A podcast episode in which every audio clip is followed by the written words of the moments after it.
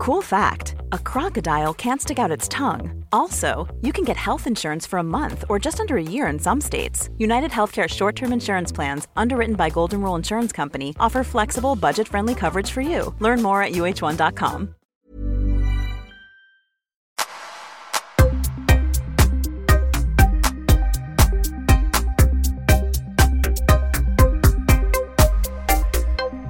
Liam Pitts, välkommen till Öppet sinne. Tack, tack. Tack för att jag fick komma hit. Ja, du, alltså det här är en intressant eh, resa med dig märker jag, för att du är väldigt ung, du Ja. har nyligen fyllt 18, folk brukar ta körkortet då, men du drömmer mer om att få gå in en proffsmatch inom MMA. Ja, jo, ja, det är det, det, det jag...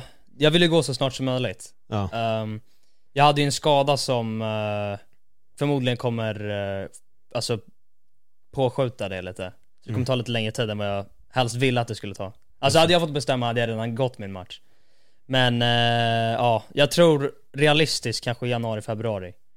Jag ville gå i en match eh, den 19 eh, november. Men eh, ja, jag pratade med massa rehab-grabbar och massa olika experter. De har sagt att alltså, så här, vi kan göra det, men din arm kommer inte vara helt återställd. Och då känner jag så här, bara, alltså, så länge inte den här skadan händer igen så, så är jag nöjd. Så det är bättre att jag väntar lite och sen så får det ta sin tid. för de som inte vet vad det är vi pratar om för skada, Ja. vad, vad är det som har hänt? Alltså, det, det som hände var att jag, jag körde brottningsträning och eh, då så var det en kille som försökte gå för ett kast på mig. Och istället för att bara att jag accepterade kastet så stoppade jag den och då hände det att jag hamnar över honom och hans vikt landar rätt på min arm. Så både min vikt och hans vikt liksom, och, så armbågen går åt fel håll. Så att min arm liksom, jag hörde bara hur det bara poppade och det lät skithögt. Och sen så, och så säger jag till honom, jag bara fuck, jag tror jag bröt min arm. Och så tittar jag på den och så ser jag att den går åt helt fel håll. Och jag bara ah, shit, det här, det här är inte bra alltså. Jag följde dig på Instagram och såg hela det här, Ja. ja. precis på Instagram när det här utspelade sig. Ja, Eh, och du la ju upp en hel del videos om det också. mm. Jag vet att även din mamma la upp, men då tror jag ni var i ambulansen va? Och då hade du börjat få smärtstillande. ja exakt. Ja. För då var du ganska glad. Ja. ja, jag var ju hög på morfin alltså, det var jag. Ja. De gav, men det tog ju lång tid när jag fick det. Mm. Det var liksom, jag låg på marken i 40 minuter innan ambulansen ens kom. Så att så här, under de här 40 minuterna, jag har ju inget smärtstillande, ingenting. Jag ligger där, min arm står åt fel håll, jag börjar tappa känsel i fingrarna. Och så här, och de första liksom så här 20 minuterna så står jag och tar bilder och filmar och garvar, för då har jag adrenalin, jag känner ingenting. Uh, och så kommer jag Guram, eh, uh, UFC-fighter Guram Kutadalatsi, han kommer och så här, uh, försöker så här, han skämtar med mig, jag skämtar lite med honom, han försöker väl få mig att tänka på andra saker. Men jag kommer ihåg att eh, han stod där och höll på att filma, jag bara 'Filma det här, filma det här' Eh, Och han bara så, "Ja, tänk på mitt, eh, han bara 'Tänk på min håriga röv, tänk på min hår' för att jag skulle tänka på andra saker. Men, men det funkade, alltså för att när jag väl fick så där ont, då behövde jag bara prata med någon, bara distraktioner hela tiden. Och min brottningscoach Jerry, han låg där och höll min arm intakt, att den inte skulle poppa ännu värre, jag vet inte. Just det. Men sen till slut så kom ju ambulansen och så kom de med morfin. Och sen tror jag att det blackoutade lite för att jag kommer inte riktigt ihåg vissa grejer. Nej. Eh, Men, eh, ja, för jag kommer inte ihåg när de drog tillbaks min arm, alltså i led, det kommer jag inte ihåg. Eh, Men jag kommer bara ihåg att så, ja, jag, jag bara kollar och så ser jag att jag har gips över hela armen, jag bara what the fuck, vad fan hände här? Eh, och det var väl antagligen då min morsa filmade lite för hon tyckte det var kul att jag höll på Jag klappade ju tydligen, eh, vad heter det, sjuksyrran på håret och ja, jag, jag, jag hade tydligen typ sagt att jag skulle till gynekologen och, alltså jag, jag visste inte vart jag var någonstans och, Ja, Man har ju sett en hel del sådana videor, men det är mer amerikanska barn som får tanden utryckt och Ja, helt exakt, på vägen sant. hem. Den drog jag fan ut eh, också för typ så här eh, tre dagar, nej, en vecka sedan drog jag ut med en visdomstand. Hur var det? Ja det var inte så kul faktiskt. Jag För jag har dragit tre, Tre? tre stycken ja. Ja shit. Ja men då vet du ju hur det är. ja. Men jag hade tur, jag hade fått, alltså det var så sjukt. För jag fick en infektion i munnen Ja. och ehm, jag kunde knappt gapa. Så Mm. att när jag öppnade min mun så här mycket, Mm. det var känslan som att den var liksom vidöppen. Ja, Så jag, ihåg, jag försökte äta och fick inte in liksom mat i munnen, det var Ja. skitvidrigt. Och då fick jag gå på penicillin i eh, typ en vecka tror jag det var. Ja. Eller om det var tio dagar och sen skulle jag komma tillbaka till den här uh, tandläkaren och skulle fixa det. Och han sätter in något som ser ut, det ser ut som stjärnmejsel nästan bara. Ja. In i munnen, knickknack, han bara det är klart. Ja. Jag bara va? Redan? Han bara ja, ja det är färdigt. Och så jag bara, det här, jag bara, men skojar du med mig? Han bara nej, Paul, ska jag vara helt ärlig, din tand, den är helt sned och jag trodde att jag skulle vara tvungen att liksom operera ut den. Men den ville inte vara där, den bokstavligen flög ut, så det var två knäck knäck och så var det färdigt. Han bara, det här var mycket enklare än vad jag hade förväntat mig. Ja. Och tanden var ju inte rak heller, utan tanden var böjd. Så den Mm. hade ju levt jätteinträngt och det som hade hänt var att jag hade fått en liten öppning. Mm. Så att när jag åt mat så fick jag in mat som lars Ah. där och det skapade den här infektionen och varbildningen. Mm. Sen efter det började vi plocka fler, jag har en kvar bara men den har inte riktigt kommit upp och den har inte skapat några problem. Så. Ja, ja men fan, nej men för att eh, de, de drog ut den på mig för typ en vecka sedan och hela mitt face bara svullnade upp och jag kunde inte träna överhuvudtaget, alltså för jag kan inte sparras nu Nej. Men eh, då kunde jag inte ens träna för det var så här infektionsrisk och skit. Och eh, sen så fort jag typ rörde mig så, alltså så här jigglade hela mitt face för det var så svullet och det gjorde så jäkla ont Och det är typ ont nu också när jag öppnar munnen skitmycket Det tar ett tag innan det blir eh, Ja. helt återställt. Sen har jag läst om det här, eller hört, att man, man ska vara väldigt försiktig med att hålla på typ så här suga på den här grejen att man smackar till för då kan man råka suga ut det här koaglet. Mhm, och då blir be- benet blottat. Ah. och då tar det jättelång tid innan det läker. Men det tror jag bara är en risk under de första två dagarna. Okej, för att det blir ju som ett vanligt om du skär dig så får koaglar och så får du ju liksom en sårskorpa. Och det är samma effekt i munnen också. Ja men folk som sitter och håller på och gör grejer där bak då är det risk för att den går upp. Och Oj då. då, ja, då jag tar har ju suttit och hållit på och pilla hela tiden så Har jag, du gjort det? Ja men jag vet inte, det är inte medvetet men jag har ju kommit på mig själv när jag sitter och gör det. Ja, Men, eh, ja men jag, jag ska tillbaks till eh, träningen på måndag tänkte jag. Mm. Eh, Bara säck och mittsar och sånt. För jag, jag, de har sagt att jag kan köra lätt sparring men eh, min coach Andreas Han sa att vi väntar lite med sparringen så här. Du kan sparras men det är en onödig risk. Och jag vill ju bara Jag vill bara köra för nu är jag trött på att sitta på röven liksom. Jag vill, jag vill köra nu. Det är, det är svårt vad har du gjort under tiden? För jag menar det finns ändå väldigt mycket man kan göra. Det är lätt att Ja. hamna i den här fasen att man tränar, tränar, tränar, tränar. Jag brukar prata väldigt mycket om det att också studera konsten. Ibland är det väldigt Mm. viktigt att bara sätta sig vid sidan om och titta. mm. Hur mycket väljer du att ta tid att bara titta? Vad gör de? När du kollar en match, ser Mm. du den bara eller väljer du ibland att gå in och analysera och kanske Mm. titta mer? Alltså, jo men jag, jag köper helt vad du menar, alltså, men grejen är så här, det gör jag hela tiden. Alltså så här, jag tror inte folk fattar hur, alltså nördig jag är när det kommer till MMA. Det är liksom så här, jag sitter ju liksom och tittar på saker som jag har sett redan hundratals gånger och tittar om och om och om och om och om igen.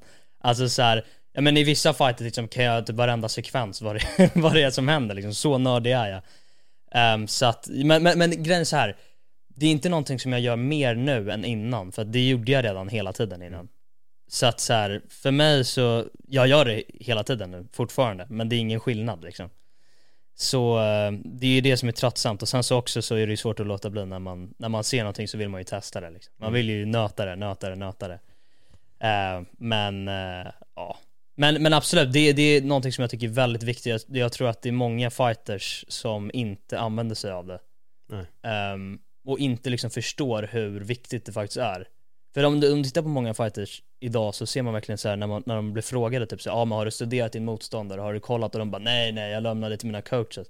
Så jag, vadå lämna? Du måste kolla själv. Du måste ju veta vad hans reaktioner är, vad hans fejkar är, vad hans vanor är. Du måste, du måste ju du ta reda på själv. Så, alltså, så det är det där, det där jag inte förstår hur folk Det är klart man måste veta det, det här är en sport, det här är inte bara liksom att du går in och svingar vilt liksom Det är ju en taktisk liksom sport Mm. Ehm, Så absolut, det är någonting som jag, som jag verkligen använder mig av jag gillar din tanke där, för jag håller med dig jättemycket och det här är någonting som jag ofta nämnt och jag, jag tycker det är en kritik ibland som jag kan lägga mot eh, vissa fighters. Det är samma som fighters som jag har pratat med, så frågar man tittar du på galor? Och så, Nej, jag tittar ingenting Ja. och liksom, jag går och tränar men sen, men sen tittar jag inte. Men då vet jag inte heller, för mig blir då lite frågan att hur, hur utvecklas man och hur, Mm. hur fortsätter man att hitta nytt? mm. För jag fattar att det gäller att träna, men det gäller också att titta på konsten. För det är det jag tror är väldigt viktigt med alla sporter man gör. Kolla, hur gör de bästa? Vad är Mm. det egentligen de gör? Hur kapitaliserar de på folks luckor och, och hela den biten? Mm. Ja men exakt, men det är det, jag håller med dig helt. Eh, och det är också, det är väldigt vanligt att man pratar med folk som bara säger ah, nej men jag tittar inte, eller jag, jag har inte ens tittat på min motståndare, jag vet inte ens vad han gör, jag vet inte Eller så här, bara titta på MMA överhuvudtaget, många fighters tittar inte ens på. MMA Så det är så här, absolut. Men jag tror inte, alltså om du tittar på de som faktiskt har blivit bäst så har ju alla suttit och studerat. Och om de säger att de inte har det så ljuger de. det har de garanterat. Vilka fighters tittar du mest på? Alltså, jag, alltså jag är verkligen så, jag tittar ju på alla. Jag tittar ju på alla. Uh, nu, nu tänker jag mer liksom, inte bara tittar utan kanske mm. då lägger ett extra öga. Ja, alltså. Den här gör det, wow det här ja. vill jag lära mig av den. Ja. Nej alltså jag, jag tittar på väldigt många olika men jag tycker Max Holloway är helt fantastisk. Han är nog, just nu, jag skulle nog säga han är min favoritfighter. Så jag tar mycket från honom, jag gillar hans stil, jag gillar hans liksom volym, hans, uh, hans liksom pressure, hans, hans uh, fight IQ. Alltså jag tycker allt han gör är genialiskt. Uh, han kanske inte har mest liksom punching power, eller han kanske inte är snabbast, men han får det att funka och det är det jag tycker är jävligt coolt, att man behöver inte vara snabbast, du behöver inte vara starkast. Och Max, han är ju smal liksom. Han är ju fan, han är inte så mycket muskler liksom, han är en skinny guy. Och han, du ser ju vad han gör med folk liksom. Och samma sak, Adesanya är också någon jag verkligen studerar mycket och han tycker jag också är helt fantastisk. Alltså, jag tror inte det är någon som tar Adesanya i, i uh, middleweight faktiskt. Det är nog ingen som tar honom. Um, så det, jag skulle nog säga Adesanya är någon jag verkligen liksom tittar på och studerar. Max Holloway. Vem mer? Uh, försöker tänka, ja men alltså så här, och sen också folk som är ganska, alltså för de här är ju mer strikers, men jag tittar ju också på folk som är mer, alltså well-rounded, som kan allting. Typ som uh, Kamara Usman eller John Jones, John Jones jag tittar jävligt mycket på. Um, så ja, det är nog de jag skulle säga. Mm. När du är på klubben, Mm. När du får, får köra med de stora grabbarna. Jag menar vi har ju Alex, vi har Shamsat, Kutateladze ja. som du har nämnt med flera då. Mm. Vi, vem är roligast att eh, köra med? Ah, alltså jag skulle inte säga att någon är rolig att köra med. det, det är inte kul att köra mot någon av dem där. Alltså Kamsat, han, han är fan en douchebag att köra mot alltså. Han står bara och manglar bodyshot. Han är schysst mot mig. Så okej okay, jag, jag, jag, jag kan inte säga att han kör som en douchebag, för han är schysst mot mig, det vet jag. Men eh, alltså han är inte rolig att köra mot alltså. Och inte Guram heller. Alltså han, han, han står och manglar bodyshots. Han är, han, är inte, han är inte lika schysst. Guram är inte lika schysst alltså. Uh, men, uh, jag vet inte, jag kanske skulle säga även Irman kanske. Irman kanske är favoriten att köra mot för att där, där, där är jag ganska mycket snabbare så jag kan ju förflytta mig liksom. Men med, med Guram och med Kamsat så, då är det svårt. Vad var det som men, gjorde att du valde just Allstars? Ja, alltså, frågan är varför inte. Det är ju det bästa gymmet i ja, Europa skulle jag säga. Alltså, titta bara på de stjärnorna de har producerat. Jag tror inte det är någon som har, ingen i Sverige garanterat, ingen i Möjligtvis SPG i Irland, men jag skulle inte ens säga dem faktiskt. Det är nog Allstar som är bäst i Europa. Alltså om du tittar på de stjärnorna de har producerat, Kamzat, vi har Guram. Guram, han är väldigt under radarn nu, men han kommer liksom explodera, det vet jag. Han, kom, han är, just nu tror jag att han är topp 5, garanterat. Um, så att så Guram, Kamzat, Illy Latifi, Alexander Gustafsson, båda Tamer-bröderna. Eh, sen har vi ju massor som liksom kommer upp.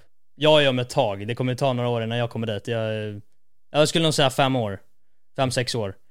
Um, men, så det, de har ganska många som kommer upp. Um, så jag valde det nog för att, alltså den, alltså kvaliteten av fighters som har producerat. Och för tränarna, Andreas Michael är ju en av de bästa tränarna i liksom Europa. Han är grym, box, grym boxare, han, har, han är liksom en genius när det kommer till boxning. Sen har han ett bra sinne för MMA. Um, ehm, så att, uh, ja, det är nog därför alltså. De, de, de har allt, det är det. Mm. Det finns inte så många andra gym, eller det finns inget annat gym i Sverige som har allt så som Allstars har. Vad skulle du säga är det största missförståndet om Allstars? Nu tänker jag på lite fans som har den här tanken, nej men fan folk behöver dra utomlands, de ska sluta vara på Allstars. Ja, alltså jag tycker, jag, jag som filosofi så här. Alltså du måste ju absolut Det är klart, man kan ju vara base någonstans. Och min base är ju Allstars Men du måste ju också åka runt och testa nya saker för det är ju så du lär dig. Du måste ju vara här, du kanske åker till USA Du kanske, fattar vad jag menar? Men sen så har du base som Allstars men du måste ju fortfarande åka runt och utvecklas. Ta lite härifrån, ta lite härifrån. Det är ju så man blir bra. Um, Men uh, absolut, alltså så här, jag skulle nog säga att eh, Alltså så Allstars har ganska många missuppfattningar, många tycker typ så att ja De tar väl bara hand om de som är liksom så här, största stjärnorna och bla bla bla bla bla Men de har ett ganska bra system för att få upp unga talanger liksom um, Så att uh, jag skulle nog säga att de som inte riktigt vet måste nog gå dit innan de faktiskt kan säga någonting om det. För det är nästan så man måste göra. Hur länge har du kört där? På Allstars sen jag var 14, så det är fyra år. Mm. Eh, men innan det så var jag lite här och var liksom. Hur länge har du hållit på med kampsport? Jag började med kampsport när jag var sex år gammal. Vad var det då? Det var judo.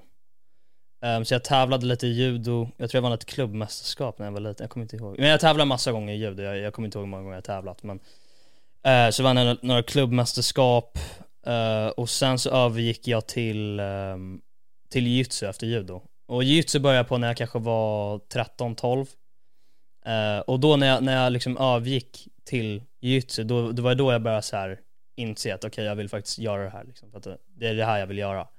Annars höll jag ju bara på med kampsport för jag tyckte det var kul. Men uh, när jag var typ 12-13 där någonstans, det var då jag verkligen insåg att okej okay, det här är det jag vill göra.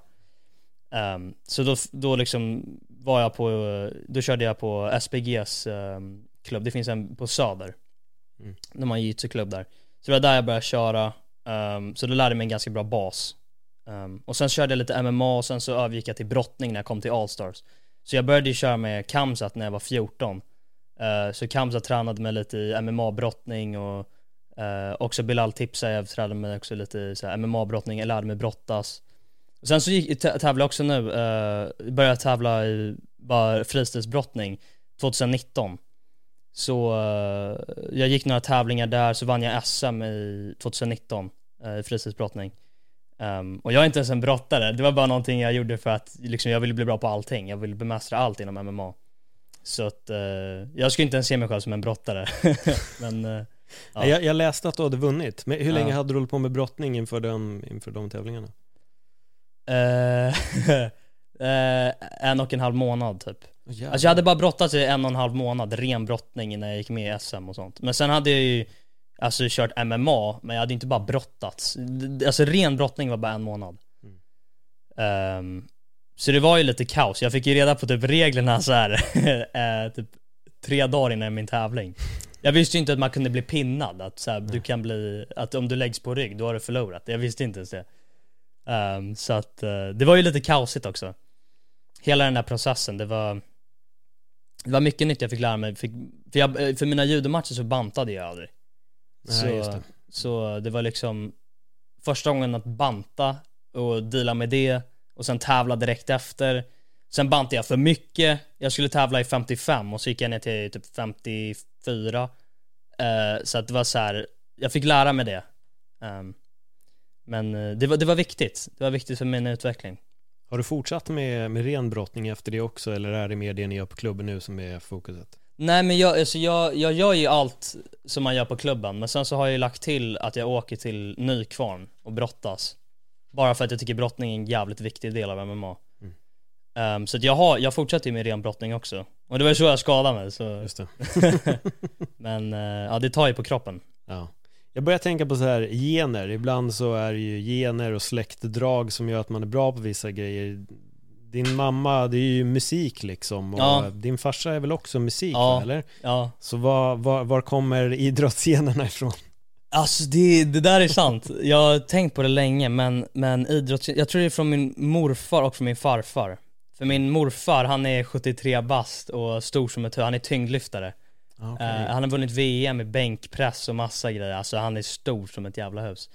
Uh, så jag tror det är han och sen så min farfar var en brottare i USA, han, jag är halvamerikan. Mm. Så han var ju en freestyle wrestler för uh, eh, UNC college. Okay. Så att uh, jag, tror, jag tror det måste, det är de jag har fått det ifrån. Sen så mm. blev min farsa lite en sån här mesig gitarrspelare och min morsa blev också det så Men det, det är inte de jag har fått det ifrån helt klart. Nej. Men vad sa familjen när du så tidigt, vad sa du att du var 12 när du kände att det är det här jag vill göra? Ja, 12-13 där någonstans. Ja. Va, hur, hur var reaktionen hemma? ja, alltså den var ju inte speciellt bra. Det var den inte. Men uh, Ja det var inte lätt i början, det var det inte. Jag behövde ju övertyga dem att det var det här jag ville göra och att, och att liksom Min morsa förvånansvärt var mer accepterande av det än vad min farsa var. Mm. Uh, min farsa är lite konservativ när det kommer till liksom sådana där saker. Han vill att jag ska ha en så här redig utbildning, jag ska gå college, jag ska ha alla de här sakerna. Um, och sen så hade han ju en, liksom en uh, förutfattad mening om fighters, som att de var liksom dumma i huvudet och att de var tatuerade och att de var street fighters och som inte har någon utbildning som är helt hjärndöda liksom. Um, och liksom så, så, han hade ju den förutfattade meningen. Mm. Um, och han bara så, ja men det här är ingen plats för dig, du är smart och du, du är liksom, du kan göra alla de här sakerna och um, Så han tog ett tag. Han är fortfarande inte helt så här, han, han är okej okay med det, men han är inte, alltså det, han älskar ju inte det, det gör han inte. Mm. Eh, men min morsa är helt med på det, hon är, hon är helt, hon är min största supporter. men uh, min farsa, han, han, är med på det, men uh, han var svår att övertyga. Så att jag har fortfarande snack med honom. Men, men nu har han ju öppnat upp han för att han fattar, okej okay, det är ett respektabelt jobb, ett arbete, det är en idrott. Han har ju sett, jag har visat en massa fighters liksom. Um, och, och då var det lite av en annan tid, då fanns det inte riktigt så många fighters som det finns idag. Det finns ju så mycket olika fighters, folk som har gått college, som har gått högskola. Det finns liksom folk som är så IT-nördar som är fighters liksom. Alltså typ så Ryan Hall eller liksom, vad heter han? Chase Hooper som är så här, mm. de ser ju ut som två nördar liksom. Så vem som helst kan vara det liksom. Så det var ju det jag ville visa honom. Så det är en pågående process att få över honom 100% på, ja. på tåget alltså? Ja. Jo, alltså jag tror, ja. Jo men det, det, är när jag, det är när jag börjar tävla som jag kanske kommer få över honom. Men så tror jag alltid att han hade önskat att jag hade valt ett annat, ett annat eh, profession liksom. Du valde den svåra vägen i livet Ja vad ska jag göra, det är sån jag är Vad har vännerna sagt då? Ja, mina vänner är ju mesar också mm. Alltså jag har ju mina vänner i kampsportsvärlden och de är ju helt med på det liksom, för de har ju träffat Såklart. genom det här ja. Men sen mina vänner som inte har någonting med kampsport att göra, de är ju liksom så vad fan är det här du vill göra? Och så här, åh. Men de är ju, de fattar ju inte De har ju aldrig hållit på med kampsport, de har ju varit sån här liksom, liten pojke som de blir skjutsad till fotbollsträning av, av, av föräldrarna liksom. Jag har aldrig varit den killen. Jag har alltid hållit på med kampsport, jag har alltid liksom Det är alltid så jag har varit. Så här. Att sparka en boll in i ett mål har inte varit min grej. Nej. Så, ehm, så de, för dem var det lite svårt att förstå. Men de stöttade ju mig i det, men de fattade bara inte varför jag skulle välja att göra en sån sak. Alltså när, när, var det du förstod? Finns det någon, minns du tidpunkten när poletten verkligen började falla på plats för dig? Och, och, och vad var det som gjorde att det, så här, fan det är det här jag vill bli? Fan det är, det är svårt att säga. Mm. Alltså det var, jag, jag tittade ju på MMA och sen så sen följde jag det mycket. Uh, men jag tror inte det var förrän typ så här, jag började följa alltså mycket Gustafsson och typ Conor McGregor i början där så man verkligen så här, verkligen fastnade i det. Um, för det, på, där så fanns det inte så, här, så många som man verkligen så här, graviterade mot, förutom de två. Um, och sen eh, speciellt Gustafsson skulle jag nog säga, för att han var ju svensk, han var liksom vem som helst och han blev den han blev. Och då är det verkligen så här, shit, okej okay, om han kan göra det, då kan alla göra det. Så, här. så fan, det här är ju min grej liksom. Han höll ju också på med, med kampsport och sen så utvecklades det det det blev idag liksom. Mm. Så fan, det här är ju möjligt. Så um, jag skulle nog säga det faktiskt. Vi nämnde ju lite innan, vi började spela in här så kom vi in på det här med kändisbarn och välja MMA och vissa ja. kan ha en, ha en tanke om det. Liksom på vilket sätt har du bemött det? Hur, vad, vad har du fått höra? Ah, alltså så här, i början var det ju väldigt mycket typ så här, eh, men, men så är det ju fortfarande, folk tror nu, nu tror jag att folk börjar kanske förstå mer och mer. Men i början så tror jag att det var många som bara sa, ja ah, men vad fan, han, han håller bara på med det här för Även varför, för att jag ska få någon typ av respekt eller för att jag, jag, jag försöker vara cool eller så jag vet inte vad, vad det är men, men eh, Ja de tänker väl bara, men jag är någon jävla kändisunge som Som bara har det här som hobby och säger så här, så. Och liksom jag, jag klandrar ju inte dem för jag hade ju säkert tänkt så också. Um, Men uh, Ja, alltså sen nu, nu, om man kan någonting om MMA, man kan någonting om kampsport och man har liksom lite koll så vet man. Alltså så här, man vet vem Andreas Michael är, man vet liksom Alters gym och man vet liksom vilka jag tränar med och vilket pass jag kör och sådana där saker. Hur ofta jag kör, jag är där varje dag vanligtvis när jag inte är skadad. Alltså två, flera gånger om dagen liksom. Um, då vet man liksom att så här, ja. This podcast is brought to you by eHarmony, the dating app to find someone you can be yourself with. Why doesn't eHarmony allow copy and paste in first messages? Because you are unique and your conversations should reflect that. eHarmony wants you to find someone who will get you. How are you going to know who gets you? If people send you the same generic conversation starters, they message everyone else. Conversations that actually help you get to know each other. Imagine that. Get who gets you on eHarmony. Sign up today. Hiring for your small business? If you're not looking for professionals on LinkedIn, you're looking in the wrong place. That's like looking for your car keys in a fish tank. LinkedIn helps you hire professionals you can't find anywhere else, even those who aren't actively searching for a new job but might be open to the perfect role. In a given month, over 70% of LinkedIn users don't even visit other leading job sites. So start looking in the right place. With LinkedIn, you can hire professionals like a professional. Post your free job on linkedin.com slash spoken today. Men, eh, Får du bemöta kritiken att den kommer så här, inte i ditt ansikte, i dina DMs kanske man ska säga. Jo men sånt skit är hela tiden, men det tycker jag bara är roligt. Alltså så, här, så, så Sånt har väl säkert du också fått, att någon, så här, folk som ska kommentera på det du gör. Precis samma sak är det med mig liksom. De, de kommer till, åh, om jag lägger ut någonting bara så, åh, du håller garden fel och du gör det här fel, du suger, du slår som en körring, bla bla bla. Och då känner jag bara så, men vem fan är du? Så här, alltså om du verkligen är bra, varför ska du sitta och kommentera på mig? Jag skulle aldrig sitta och kommentera på någon, så här, alltså det, är, sånt gör man ju bara om man inte är bra. Vet du vad jag menar? Det är ingen som faktiskt är elit på någonting som sitter och skriver till någon annan om skit.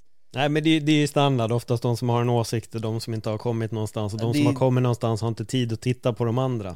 Men, men jag tycker bara sånt skit är kul. Jag, det har varit några gånger där de bara så, åh så här, bara kom hit och kör mot mig. Jag bara så här, alltså, om du, först och främst om du skriver till mig så får ju du komma till mig. Jag kommer inte sitta och åka till dig om det är du som, så här, vi kan absolut sparras någon gång om du vill komma till oss och gör det. Men jag kommer inte å- sätta mig på ett jävla tåg och åka till dig när det är du som skriver till mig. Alltså så här, var, varför ska jag göra det för? Känner du till Charlie Selenoff? Ja, jag vet att Charlie Saranov Det är många sådana på Instagram DM som sitter och håller på. Men eh, absolut, jag vet en Charlie Saranov Ja. Nej, Jag började tänka på det, för han, han var för, för er som inte vet då, Charlie Selenow var en kille som utmanade massa folk.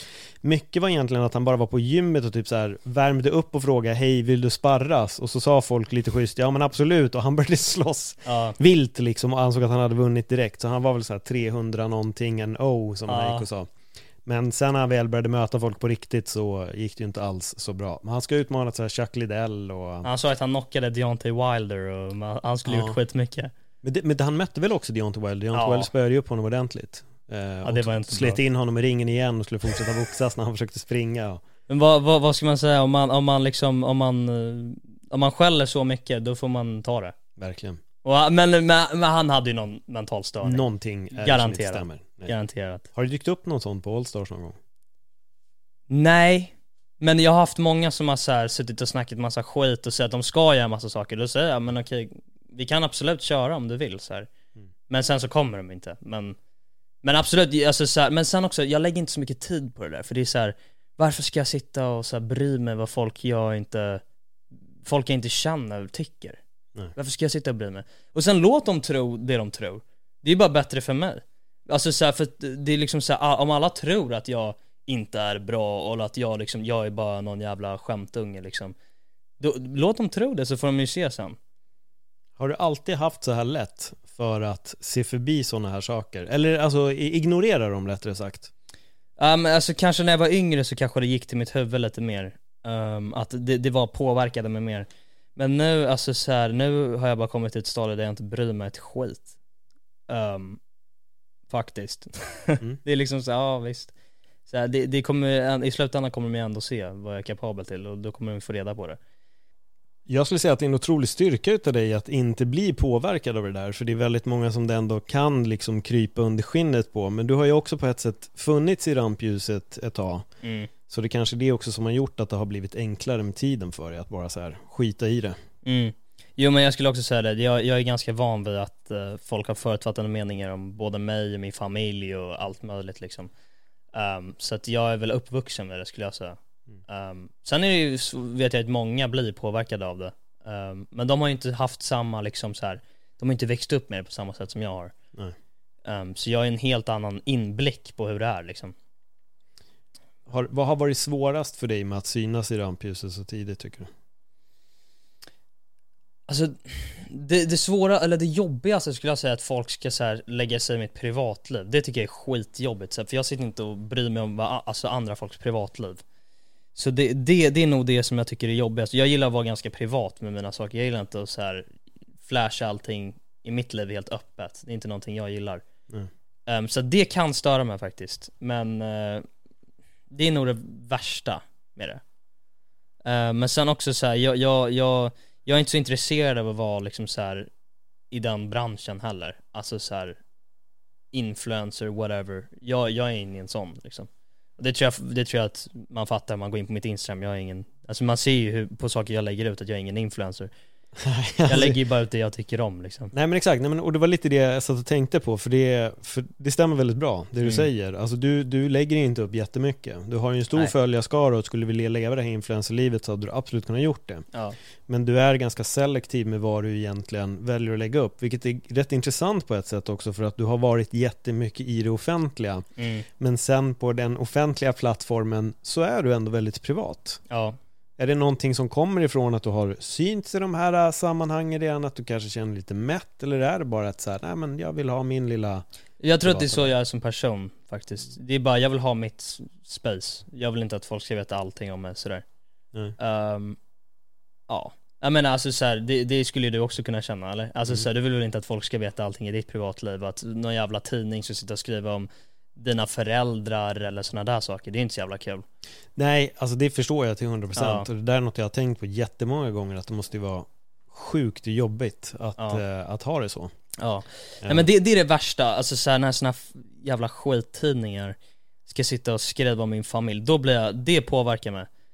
Eh, för att det blir liksom så här personligt på ett annat sätt, för då går de inte på mig, det är liksom så här folk i min familj.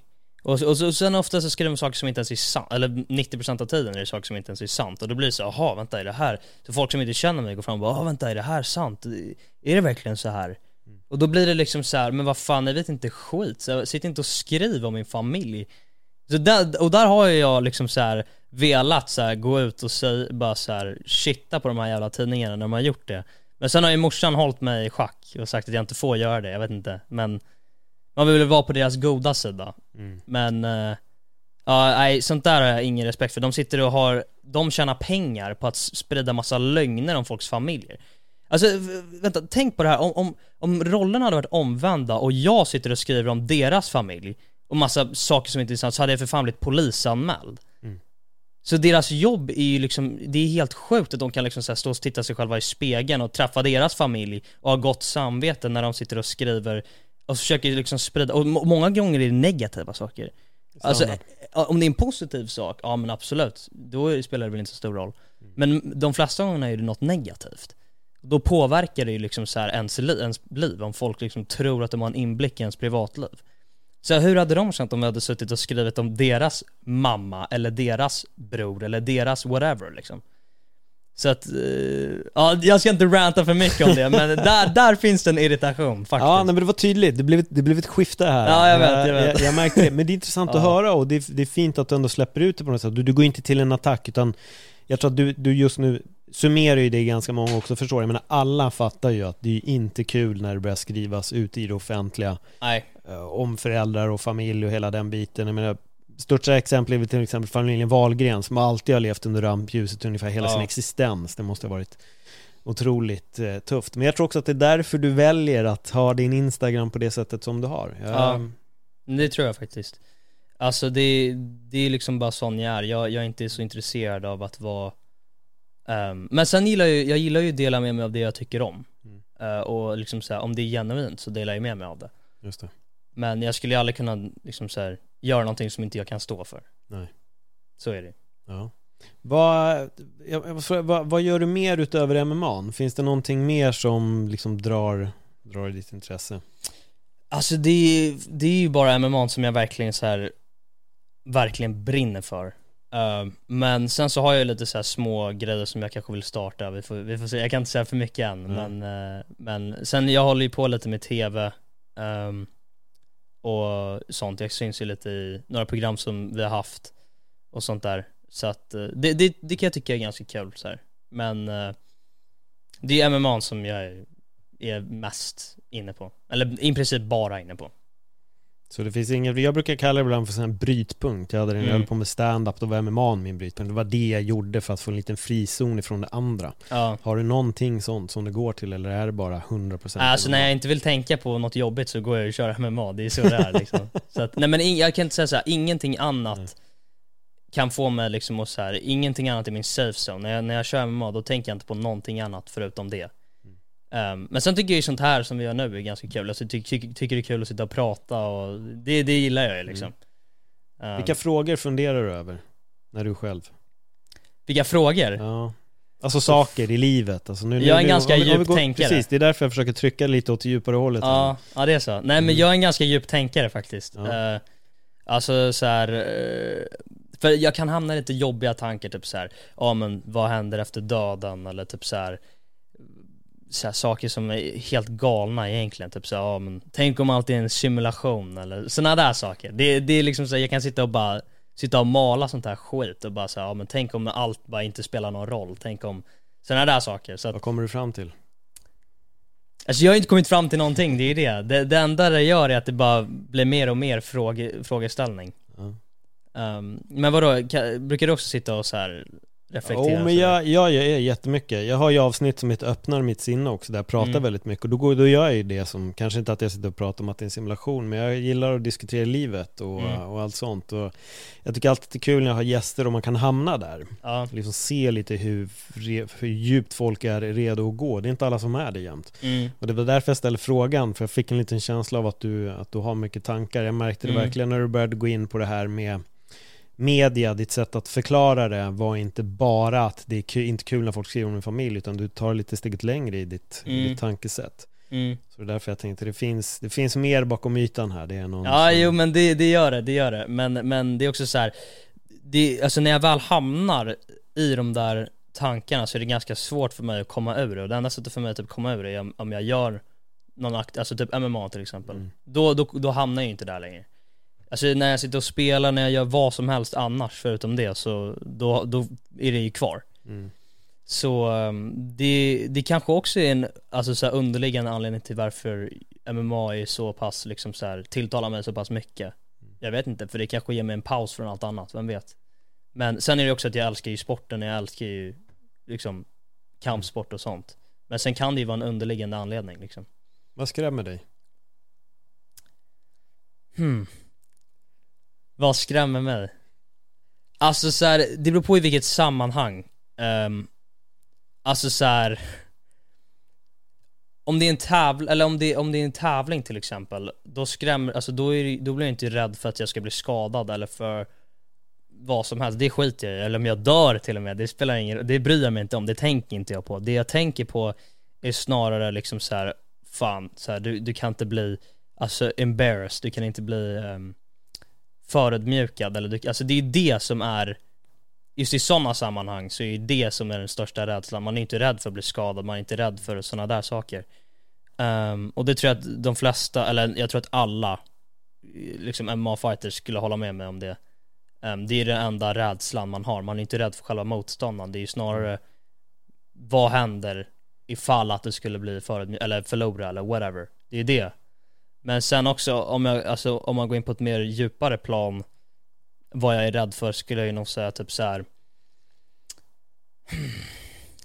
Alltså det, det är det här som är konstigt för att en del av mig är typ rädd för att dö i någon jävla sjukdom. Alltså så att jag bara långsamt bara blir värre och värre och värre. Och till slut så bara så här dör jag liksom. Och jag vet om att jag ska dö. Det är ju typ min största rädsla, alltså om jag blir överkörd av en buss eller något sånt där, då händer det liksom. Men, men på, av någon anledning så skrämmer det mig att så här långsamt liksom tvina bort. Och att du vet om att du dö, alltså du ska dö. Det är nog min största rädsla. Um, Men sen så går det också in i typ så här om man är gammal. Alltså så om jag är gammal, för det här har jag tänkt på jävligt mycket, jag vet inte varför jag gör det när jag är 18 bast men Typ så här, alltså jag tittar på gamla gubbar och tanter och så tänker jag bara så här, fan de har ju levt hela sitt liv, de är liksom så här på sista biten, nu väntar de i princip bara på att något ska hända Och så här, fan vad, hur skulle jag tänka mig att vara i den situationen liksom? Så här, du vet att när som helst liksom så här, kommer man ha accepterat det, kommer man inte accepterat det? För det värsta är att om du, om du är typ 90 bast och du bara fan, jag vill leva längre, jag är inte klar, jag, jag, jag vill... Och sen så bara så här, vet du om att du har inte så jävla lång tid kvar. Den, den känslan är ju fan inte kul. Så det, det är nog det jag skulle säga. Men, eh, men vad, vad, vad tycker du? Alltså vad, vad, är du, vad skrämmer dig liksom? Vad Vad, skrämmer mig?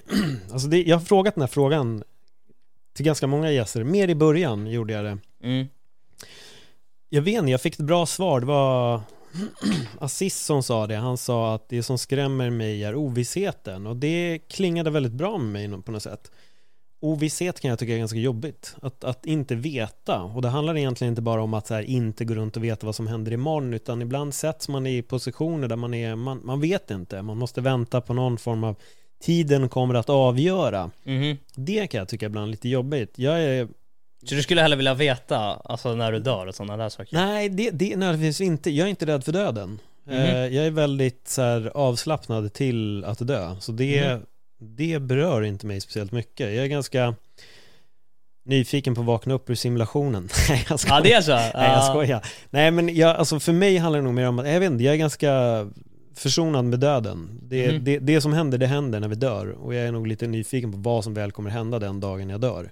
Sen betyder Mhm. inte det att jag vill gå och dö. Nej, Så alltså, förstår vad Nej jag men menar? det, det förstår jag, det Så förstår att så här, jag. det, det är klart att skulle jag dö imorgon så skulle det kännas, jag skulle väl inte förstå det men jag skulle tycka att det var skittråkigt. Jag känner att jag fortfarande har väldigt mycket att uträtta här. Mm. Men jag är inte rädd för scenariot döden. Men Mm. jag tror också det är för att folk runt omkring mig har liksom redan dött. Mm. Eh, jag tror att varje gång en person dör så förlikar man sig lite mer med döden och kanske får en viss acceptans till det på något konstigt sätt.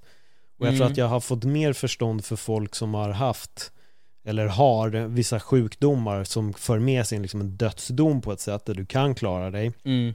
När de säger att det får bli som det blir så är jag ganska okej med det. Att om de känner att jag är rätt färdig med det här nu och det som händer händer. Liksom. Mm. Mm. Så har jag varit väldigt så här, men okej, om det är så du känner så, så har Mm. jag börjat respektera det väldigt mycket. Fan, ja det är en intressant uh, Mm. tanke, men för jag är nog lite mer tvärtom. Alltså så här, för varje gång någon dör i min närhet, då blir jag typ mer så här shit så här. För man, har- man tar ju ändå saker för givet, det gör man ju. Ja, man tar ju för givet att ens föräldrar är där, man tar ju för givet sådana här saker som inte är självklara. Ehm, och ehm, liksom så här, och för mig, varje gång någon dör i min närhet, då är det liksom mer så här shit, så här, fan. Allt kan hända, så här, mina föräldrar kan, något kan hända dem, något kan hända mig, något kan hända vem, alltså mina polare. Så att så här, då, då blir jag mer snarare så här ah, shit, det är så jävla skört. Livet är så jävla skört. Um, och det är liksom så här, ja. Ja men för, för att jag tror, jag tror mycket av den här rädslan kom ifrån för min mormor fick cancer när jag var, ja, jag var sex, sju kanske. Så då, och hon, hon hade ju vetat om det här sjukt länge, alltså så här, sen hon var i 30-årsåldern visste hon att hon hade cancer. Oj. Och den här cancern blir bara värre och värre och värre. Eh, men hon levde ju ändå ganska länge med det alltså hon, hon hade ju överträffat många, vad många trodde. De, de sa att hon bara skulle leva i fem år och hon klarade sig 20. Så att hon hade ju överträffat, och hon hade en hög livskvalitet, i alla fall till slutet hade hon ju det. Um, eller alltså innan slutet. Um, men jag tror att, jag tror att det, alltså att när jag såg hennes sista, alltså del i livet, tror jag påverkade, vid en sån ung ålder, tror jag påverkade mig ganska hårt till sådana här saker. För jag är också hypokondriker. Eh, och jag tror att de, de, den biten har ju nog kommit ifrån det. Um, alltså så här, att, att se hennes liksom stadie bli värre och värre. Och sen, ja, så att jag, jag, tror, jag tror det har nog väckt de här tankarna liksom. Jag börjar tänka på min brorsas dotter. Eh, Mm. Min mormor fick nämligen också cancer, men det gick jättesnabbt. Så Mm. att under påsken så hade hon fixat all mat, lagat allting och det var en, ögat hängde lite. Alltså det var Mm. som att så ögonlocket hängde lite ner. Mm. Tre månader senare begrav vi henne för hon hade en cancer. Man vet inte vilken cancer som var först heller. Så det var Mm. cancer i lungorna, det var hjärnan, det var met- alltså det, det är helt bisarrt alltså. Mm. Så det gick så snabbt. Så vi gick från att ha en fullt frisk mormor som liksom spelade kubb med oss på påsken och hade fixat allt till att begrava Jävlar. henne på sommaren. Ja. Ehm, och där vet jag också att det är, som du säger, det är, en, det är tungt. Det var första gången jag verkligen förlorade någon i min familj. Mm. Men anledningen till att jag började tänka på min brorsdotter var för att min mamma berättade sen att hon hade följt med henne till jobbet då. då. Det är Mm. då hennes mormor. Och hon vägrade att titta på de gamla och alla gamla vill ju, hon jobbar på ålderdomshem, så de vinkade till henne. Mm. Då hade hon bara tittat bort, så här, kollat bort, kollat Ja, bort hela tiden. Och till slut hade min mamma då frågat henne så här, varför hälsar du inte på dem och varför tittar du bort? Mm. Och då hade hon sagt, och då var hon nog i 5-6 års åldern. Ja. Varpå hon säger, mormor dog, så det betyder att de kommer också dö, så jag vill inte hälsa på dem. Ja jävlar. Ja men Det, det där, jag förstår. Alltså Mm. så här, det har inte gått till den gränsen, men jag kan förstå det tankesättet för att så här, Det är säkert så jag kommer tänka när jag är där. Mm. Alltså, det är säkert så man, man gör. Men sen samtidigt så måste man också tänka här, om man kommer bli så gammal, då måste man ändå vara tacksam för att, ja fan jag har haft mitt liv, jag har gjort det här, jag har barn, jag har barnbarn, jag har fan åstadkommit allt det här. Mm. Ehm, så då måste man ändå vara tacksam för att, för det är ju många som inte ens liksom blir hälften så gamla som, som det där. Mm. Men, men, men jag skulle nog säga att, alltså så här. För, för mig i alla fall, för då blir det liksom varje gång i min, någon i min närhet dör så blir det liksom mer och mer, då inser man mer och mer hur skört det är. Ehm, och det är typ en läskig känsla. Att så här, för liksom så här, innan tog jag lite saker för givet, men sen har mycket hänt de senaste liksom två, tre åren har ju mycket hänt. Um, alltså min, min gammelmormor dog, vilket var så, okej hon var ändå, hon var redo liksom, hon var 96 bast.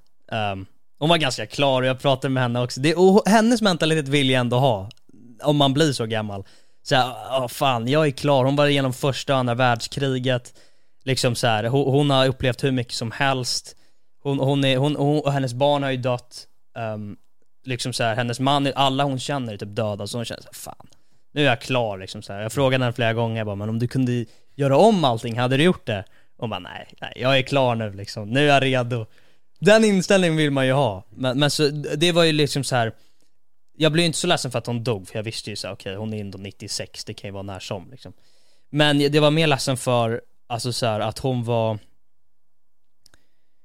Alltså mer på sä- alltså sättet, att hon inte hade någon kvar och vi, hon bor i Kalmar liksom, hon bor själv där nere. Vi hälsade på typ en gång, två gånger om året. Ah, Så det var mer det att typ så här att hon inte hade någon runt sig liksom. Um, alltså, det, alltså just det sättet, man är ensam, det är det som tog hårt. Inte att hon var gammal alltså, för hon var ju gammal och hon var redo, så det var inte så här att hon Nej, dog, jag, det var mer fattar precis vad du menar. det var mer att hon inte hade någonting Mm. kvar, alltså hon var ju bara själv och det var liksom så här, det var ju det. Ehm, och ja, jag, jag skulle nog säga att det var, det var ju liksom någonting också som, som gjorde att, eh, alltså man inser, ah, okej men fan, det är mer skört än vad man tror. Sen, ehm, det här har inte jag pratat med så, alltså så många, jag har inte öppnat upp med om så många, men min kusin gick bort eh, tidigare det här året i juli. Jag beklagar. Ja, den, den var tuffast faktiskt, för att han var 23 bast. Oj. Och eh, han fick en eh, heroinöverdos. Jävlar. Och efter, alltså det sjukaste med det var att en dag innan det hände så, så satt jag och pratade med mina polare, jag bara så här. Fan, alltså så här, livet är så jävla skört så här. Jag, satt, jag hade den, precis den här diskussionen som vi har nu. Oj, oj sorry, jäklar. Nej men jag hade precis den här diskussionen som vi hade nu. Eh, och sen en dag senare hände det. Och då, då var jag såhär, men shit, fan jag känner nästan på mig att någonting skulle hända och sen så dagen efter händer det, så jag bara, fan vad sjukt. Mm. Uh, och sen var jag såklart eh, jävligt ledsen över det där och, och allting liksom. Och så då, då, då väcker den här tanken liksom att, ja ah, men fan det är så jävla skört och man ska vara, man ska vara tacksam för allt man har liksom. Mm. Um, och det är inte så jävla många som, så här, i min ålder som har det tankesättet. För att, jag vet inte om det, för många har ju säkert inte varit med om sådana saker. Uh, och sen även om de har det så vet jag inte om de har det tankesättet, men ehm, Ja Fan nu blev vi jävligt djupa här inne, Ja, shit. ja, men, men, och det är bra och jag har en fråga och här, du får verkligen välja om du vill liksom gå djupare här eller inte. Men jag har en, en fråga först bara, men jag undrar bara, stod ni varandra nära, du och din kusin? Alltså gre- grejen var så här. ehm, vi var väldigt nära under vår uppväxt. Mm. Han eh, passade, alltså han var några år äldre, han, alltså han var ju 23. Ehm, så han brukade ju passa mig, liksom när jag var, när jag var yngre, han var lite som en så här, ja men lite, han ville vara lite mentoraktig liksom. Och hjälpte mig och, och, och ja, vi spelade mycket spel när vi var små, jag kommer jag ihåg. Uh, han, var, han var jävligt rolig liksom, han, han hade mycket humor, han var en jävligt fantastisk kille liksom, han var, han var bra på alla sätt. Um, han, han hade allt för sig, han såg bra ut, liksom så här, hade, hade bra, i alla fall till en början hade han ganska bra betyg. Men sen, han hade, jag kan inte gå in på exakt allting, Nej, men, men, men, men han hamnade i en spiral Mm. där eh, liksom droganvändning och, och sådana där saker hände. Och eh, ja, det, det är så jävla synd för att han hade verkligen liksom så, my, så mycket möjligheter. Ehm, och han hamnade i liksom en spiral, en alltså han hamnade i depression och hamnade i en spiral där allting bara gick liksom sämre och sämre och, och, och han hamnade i, i droger och droganvändning. Eh, och sen så, sen så, Uh, sen så hade han, för jag, jag hade inte sett han på de sista tre åren för att han hade varit i rehab och han hade varit i massa sådana här saker. Så de sista tre åren hade inte jag pratat med honom och någonting sånt, men jag visste ju om allt det här. Och, alla i fam- och han visste ju också om att vi visste det, men han ville ju bara inte liksom visa sig förrän han hade fått bukt med den här skiten. Uh, och uh, hur som helst så, så fick jag ett samtal, det här är också så här sjukt, men jag menar, mycket av det som händer är, känns nästan som att det hände av en anledning. För jag hade inte pratat med honom på tre år, alla de här sakerna, och sen så får jag ett samtal från honom i eh, december, när jag var i USA senast. Eh, och, då, och, då, och jag har inte pratat med honom på liksom, tre, fyra år. Och han bara så, ah, så här, hur mår du? Och bara så, "Ah, hoppas allt är bra. Uh, bara så, jag, jag har börjat liksom ta tag i mitt liv, jag, jag har liksom börjat jobba, jag har slutat med all skit. Så han var clean. Um, och han hade liksom lagt av med allt. Uh, och han hade börjat hitta en liksom rätt väg i livet. Och jag bara, men fan vad kul, för det var ju det vi väntade på så jävla länge, på att han bara skulle liksom få bukt med den här skiten. Um, och han hade fått bukt med det. Uh, och så pratade man om, jag saknar dig, jag älskar dig, fan, vi måste ses näst, eh, nästa sommar när du kommer över. Um, och uh, sen, gick, sen så fick jag ju reda på innan, innan jag åkte över att han hade gått bort ehm, i en överdos. Så att det var jävligt tungt. Men, eh, så jag hann ju inte komma över. Nej. Så det var, det var det enda som var liksom ser, alltså väldigt synd. Men eh, sen var jag jävligt tacksam för att jag fick det där samtalet liksom. Och att jag fick ändå prata med honom. Det var nästan som ett avsked fast ändå inte. Men det var det jag menar, det, det känns så det var så mycket konstigt gällande det där för att det var liksom så jag kände nästan på mig att någonting skulle hända dagen innan. Jag hade samt, jag satt och pratade med mina polare och sen det där samtalet, jag hade inte pratat med honom på hur länge som helst och sen så, ja det var mycket konstigt gällande det. Men, eh, ja det var tufft. Det var tufft. Eh, men, eh, ja men så det är också kanske därför jag väljer att prata om det nu lite också. För jag, jag, har, inte pra, jag har inte riktigt pratat om det än, men, eh, men det är också så här för att jag vill få folk att förstå liksom, alltså droganvändning, att Mm.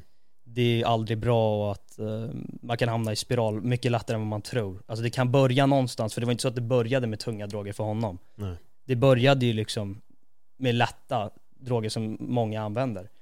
Och sen blev det ju bara en spiral. Värre och värre och värre till slut. Det är inte så att någon bara börjar med det tyngsta de kan få tag på. Nej, så är det ju. Det, det, det kan väldigt, väldigt snabbt gå, verkligen som du säger. Från, från någonting till otroligt eh, negativt ganska så snabbt. Mm.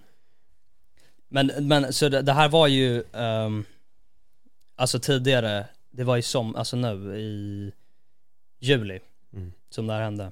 Just det. Så så fort jag fick reda på det, jag ville ju till begravningen men jag hann inte. För jag var i Spanien när jag fick reda på det. Mm. Så, ehm, ja jag, jag hann inte åka dit till begravning vilket jag, jag var jävligt ledsen över. Mm. Men, eh, ja jag, jag åkte ju dit nu i somras och, eh, och liksom träffade min, kus, alltså min andra kusin som är hans bror. Eh, och eh, min faster då som är hans mamma. Ehm, ja, så det, det var ju, jag, jag var liksom, det var ju bra att jag fick se dem och liksom ta hand om dem lite och sådär. Mm. För det är ju inte lätt för dem. Jag, för, jag, jag känner mig typ så här. Fan jag har ingen rätt att vara ledsen över det här. Alltså så här, det de dealar med är liksom så otroligt mycket värre än det jag dealar med. Så alltså vad fan, nu får jag skärpa upp mig liksom. Fast det är din sorg. Ja jag Den vet har men man ju det, all det var rätt så här. att, att få ha. Alltså jag, jag vill bara dela med mig här, alltså att Mm. inte jag bara sitter och lyssnar på din game, men jag kan bara dra ganska snabbt. Jag förlorade min lillebror. Mm. Ja Eh, du förlorade din lillebror. Det, det är inte till droger utan han blev ihjälskjuten då. Oj. Ja, för några år sedan, 2016. Så jag känner, jag får det så här skum känsla i kroppen när jag hör dig berätta. Mm. Men, men när du ändå går in på det här med sorg så liksom, alltså din sorg är din sorg och den har du all rätt att ha. Mm. För ni stod varandra nära, det fanns liksom ett band mellan er också. Det är ju någonting som kommer upp, som du säger, det var, det var den äldre killen som tog hand om dig när du var liten liksom. Mm. Det blev ju din brorsa på ett sätt. Ja. För han fanns där, så jag menar den där sorgen, den, alltså, den ska du bara omfamna liksom. Det Mm. finns ingen som har rätt till mer sorg än någon annan, utan Mm. du har, du har all rätt att känna och jag tror inte du behöver göra den jämförelsen med Ja. Sen är det klart att de går igenom något som är säkert på en liten annan nivå liksom men, Mm. men det förminskar inte din Din grej och uh, Fan, vi har alla rätt att vara ledsna liksom Mm. Det, är- det är nog inte svårare än så Mm. Men jävligt starkt av dig att öppna upp dig för det är, det är lätt att lägga locket på och uh, Jag tycker det är bra att prata om det också som du säger att Mm. verkligen det, Fan vi, vi har känslor människor, jag hör att du är en djup människa, att du funderar mycket Ja, vi hamnar jävligt djupt eh, Ja. på det här. Ja, men och, jag, och jag förstår också att då, då tänker du mycket mer. Det blir Mm. mer än sorg, man går djupare i tankarna och det gäller Mm. också att kunna hantera dem med. För det vet jag till exempel när min lillebrorsa hände, Mm. Det var under en period när jag mediterade otroligt mycket. Mm. Och jag tror att hade jag inte gjort det då, då hade jag gått in ännu negativare spiral liksom med alla tankar och funderingar som hade kommit liksom. Mm. Medan ibland behöver man försöka rannsaka sig med vad som har hänt och, och där liksom ta det vidare och vara glad vid de här små sakerna att man ändå fick det här samtalet någon vecka innan det Mm. hände och, för det är samma med mig och min lillebror liksom. Mm. Vi snackade några veckor innan och jag tror att vi träffades ganska exakt typ två, tre veckor innan han gick bort liksom. Mm. Men då kan man få den här, fan jag önskar att jag hade kramat honom ännu hårdare. Ja, det är exakt. här skit som kan komma upp liksom. Men jag tror bara att man måste, som sagt, det, det är vad det är och det, är- det är skittråkigt men Men om jag får fråga, du behöver inte svara om du inte känner dig bekväm med det, men, men vad, vad, vad var det som hände? Blev han bara skjuten? Alltså av, Ehm, Alltså det finns så här, det finns lite olika teorier. Ja. Det blev jätteuppmärksammat, så det har Ja. stått väldigt mycket om det här i tidningen. ja, Och det var då 2016 i januari Mm. som det skedde. Och det, jag tror det stod i tidningen ungefär två veckor, för det var väldigt brutalt liksom. Det var en Mm. avrättning bokstavligen liksom på gatan. Ja. wow. Eh, sen har jag hört olika stories om vad som ska ha hänt och, och alltså det, det jag vet inte vilken story som stämmer så jag Mm. känner att jag vill inte spekulera i Nej, liksom nej. någonting men det jag vet är i alla fall att fallet lades ner det fanns inte tillräckligt mycket bevis mot de som de hade arresterat så jag tror att två, jag vet inte, några hade blivit arresterade i alla fall och Mm. en efter en släpptes de för att det fanns inte bevis Eh, Så ingen har blivit arresterad för det i alla fall och det är väl liksom så mycket vi vet. Och jag tror att det har, alltså min lillebrorsa levde ju ett inte jättebra liv heller liksom. Mm. Så Han är också inne på som min kusin med, med hänga med fel folk och, ja, alltså han var ju grovt kriminell liksom. ja. Det var han. Och det, tyvärr så finns det här med i den leken liksom och det är det som är, det är ingen lek men, men det finns med i det och det är det där som är så jävla tråkigt och den tanken har malt i mig redan innan liksom. Mm. så har jag förstått att det kan, det kan hamna där liksom, och det kan lika gärna vara tvärtom. Det kan också Mm. vara han som är förövaren, alltså, det, Mm. det vet ju inte jag liksom. Mm. Men jag har inte gillat den känslan att det kan gå dit eller att det är han som gör något mot någon annan. Liksom. Jag har Ja. försökt få honom därifrån men sen har alltid liksom gått lite åt samma håll ändå. Det är snabba Mm. pengar, det är svår, svårt att ta ifrån någon det när de väl har upplevt det tror jag. Mm. Ehm, och Men, tyvärr så ja. gick det inte och han, han hann inte ens fylla 30 heller så Ja jäklar. också Ja. väldigt ungt Ja liksom. det jag beklagar men det är helt sjukt att de inte, alltså så här, att de inte har hittat personerna som har gjort Ja. det här.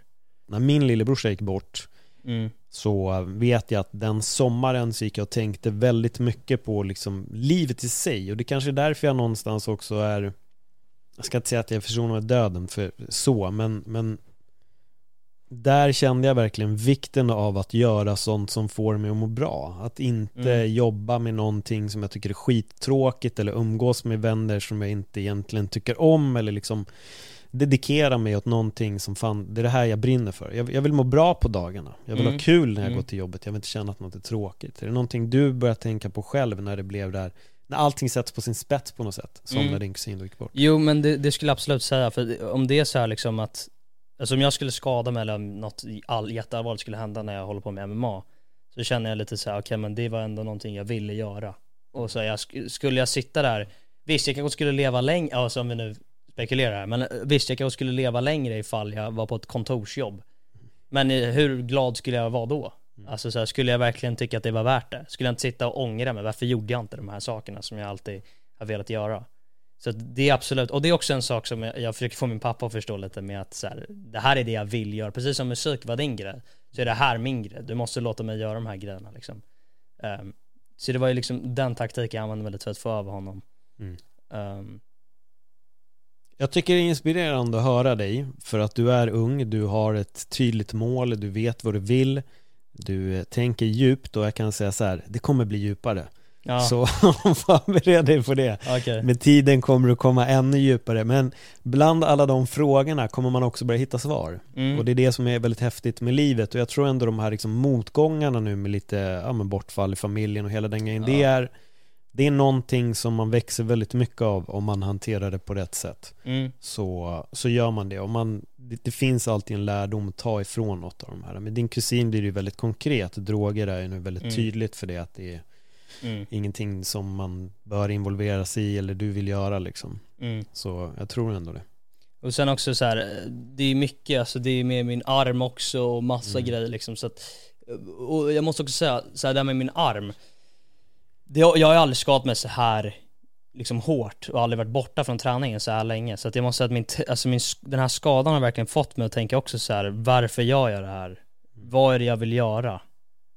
Och jag måste säga att jag är mer motiverad när jag någonsin har varit hela mitt liv. Ehm, och det säger ändå ganska mycket för att jag har varit otroligt motiverad innan. Mm. Ehm, så att jag tycker att den här skadan, om jag ska säga något positivt som den har gett mig så är det väl att jag har liksom fått en mer, en inblick i varför jag gör det här, liksom så här, och också en inblick på så här, ja men hur är livet utan MMA? Är det så jävla kul? Nej, uppenbarligen är det ju inte det. Nej. Jag studsar ju på väggarna liksom, jag kan inte sitta still. Så att, eh, ja, så det, det är väl det positiva jag kan säga. Och det har ju fått mig att växa och lära mig och allting som har hänt det här jävla året. Ehm, så att jag, jag tror också så här, jag tror, jag, så här, jag tror att allting händer av en anledning. Mm. Så att, ehm, ja, jag tror att allt liksom leder till, ett till något annat. Jo men det, det, det, det tror jag definitivt också. Mm. Men du supertack för att du kom hit. Ja, tack själv, tack själv. Eh, tack för att du öppnar upp dig och delar med dig om, om liksom tragedin. Ja men du också, du hit. öppnade upp det ganska mycket också så det var, det var men det är viktigt liksom, det är Ja. viktiga ämnen så att det, Exakt. det är klart. Och som sagt, våga ta dig an sorgen och det är, ingen, det är ingenting man liksom behöver jämföra med någon annan och Mm. bevara minnet. Det är det vi får göra Ja, med de som har gått bort. Liam, tack för ett bra samtal. jag ser själv. verkligen fram emot att se din eh, proffsdebut och jag ser fram emot att sätta mig här med dig igen om något år eller någonting och, Ja. och snacka ännu mer och se vad som har hänt med karriären och gå ännu djupare i Ja, eller hur? allting som är livet. ja verkligen. Ja, grymt! Tack. Där hör ni, kära lyssnare. Kom ihåg, ta vara på tiden och glöm inte att man kan och ska våga drömma stort, precis som Liam gör. Hej då!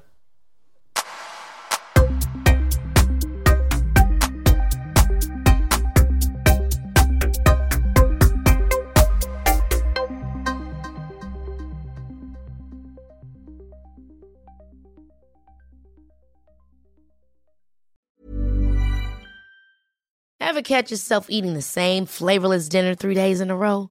Dreaming of something better? Well, HelloFresh is your guilt-free dream come true, baby. It's me, Kiki Palmer. Let's wake up those taste buds with hot, juicy pecan-crusted chicken or garlic butter shrimp scampi. Mm. Hello Fresh. Stop dreaming of all the delicious possibilities and dig in at HelloFresh.com. Let's get this dinner party started.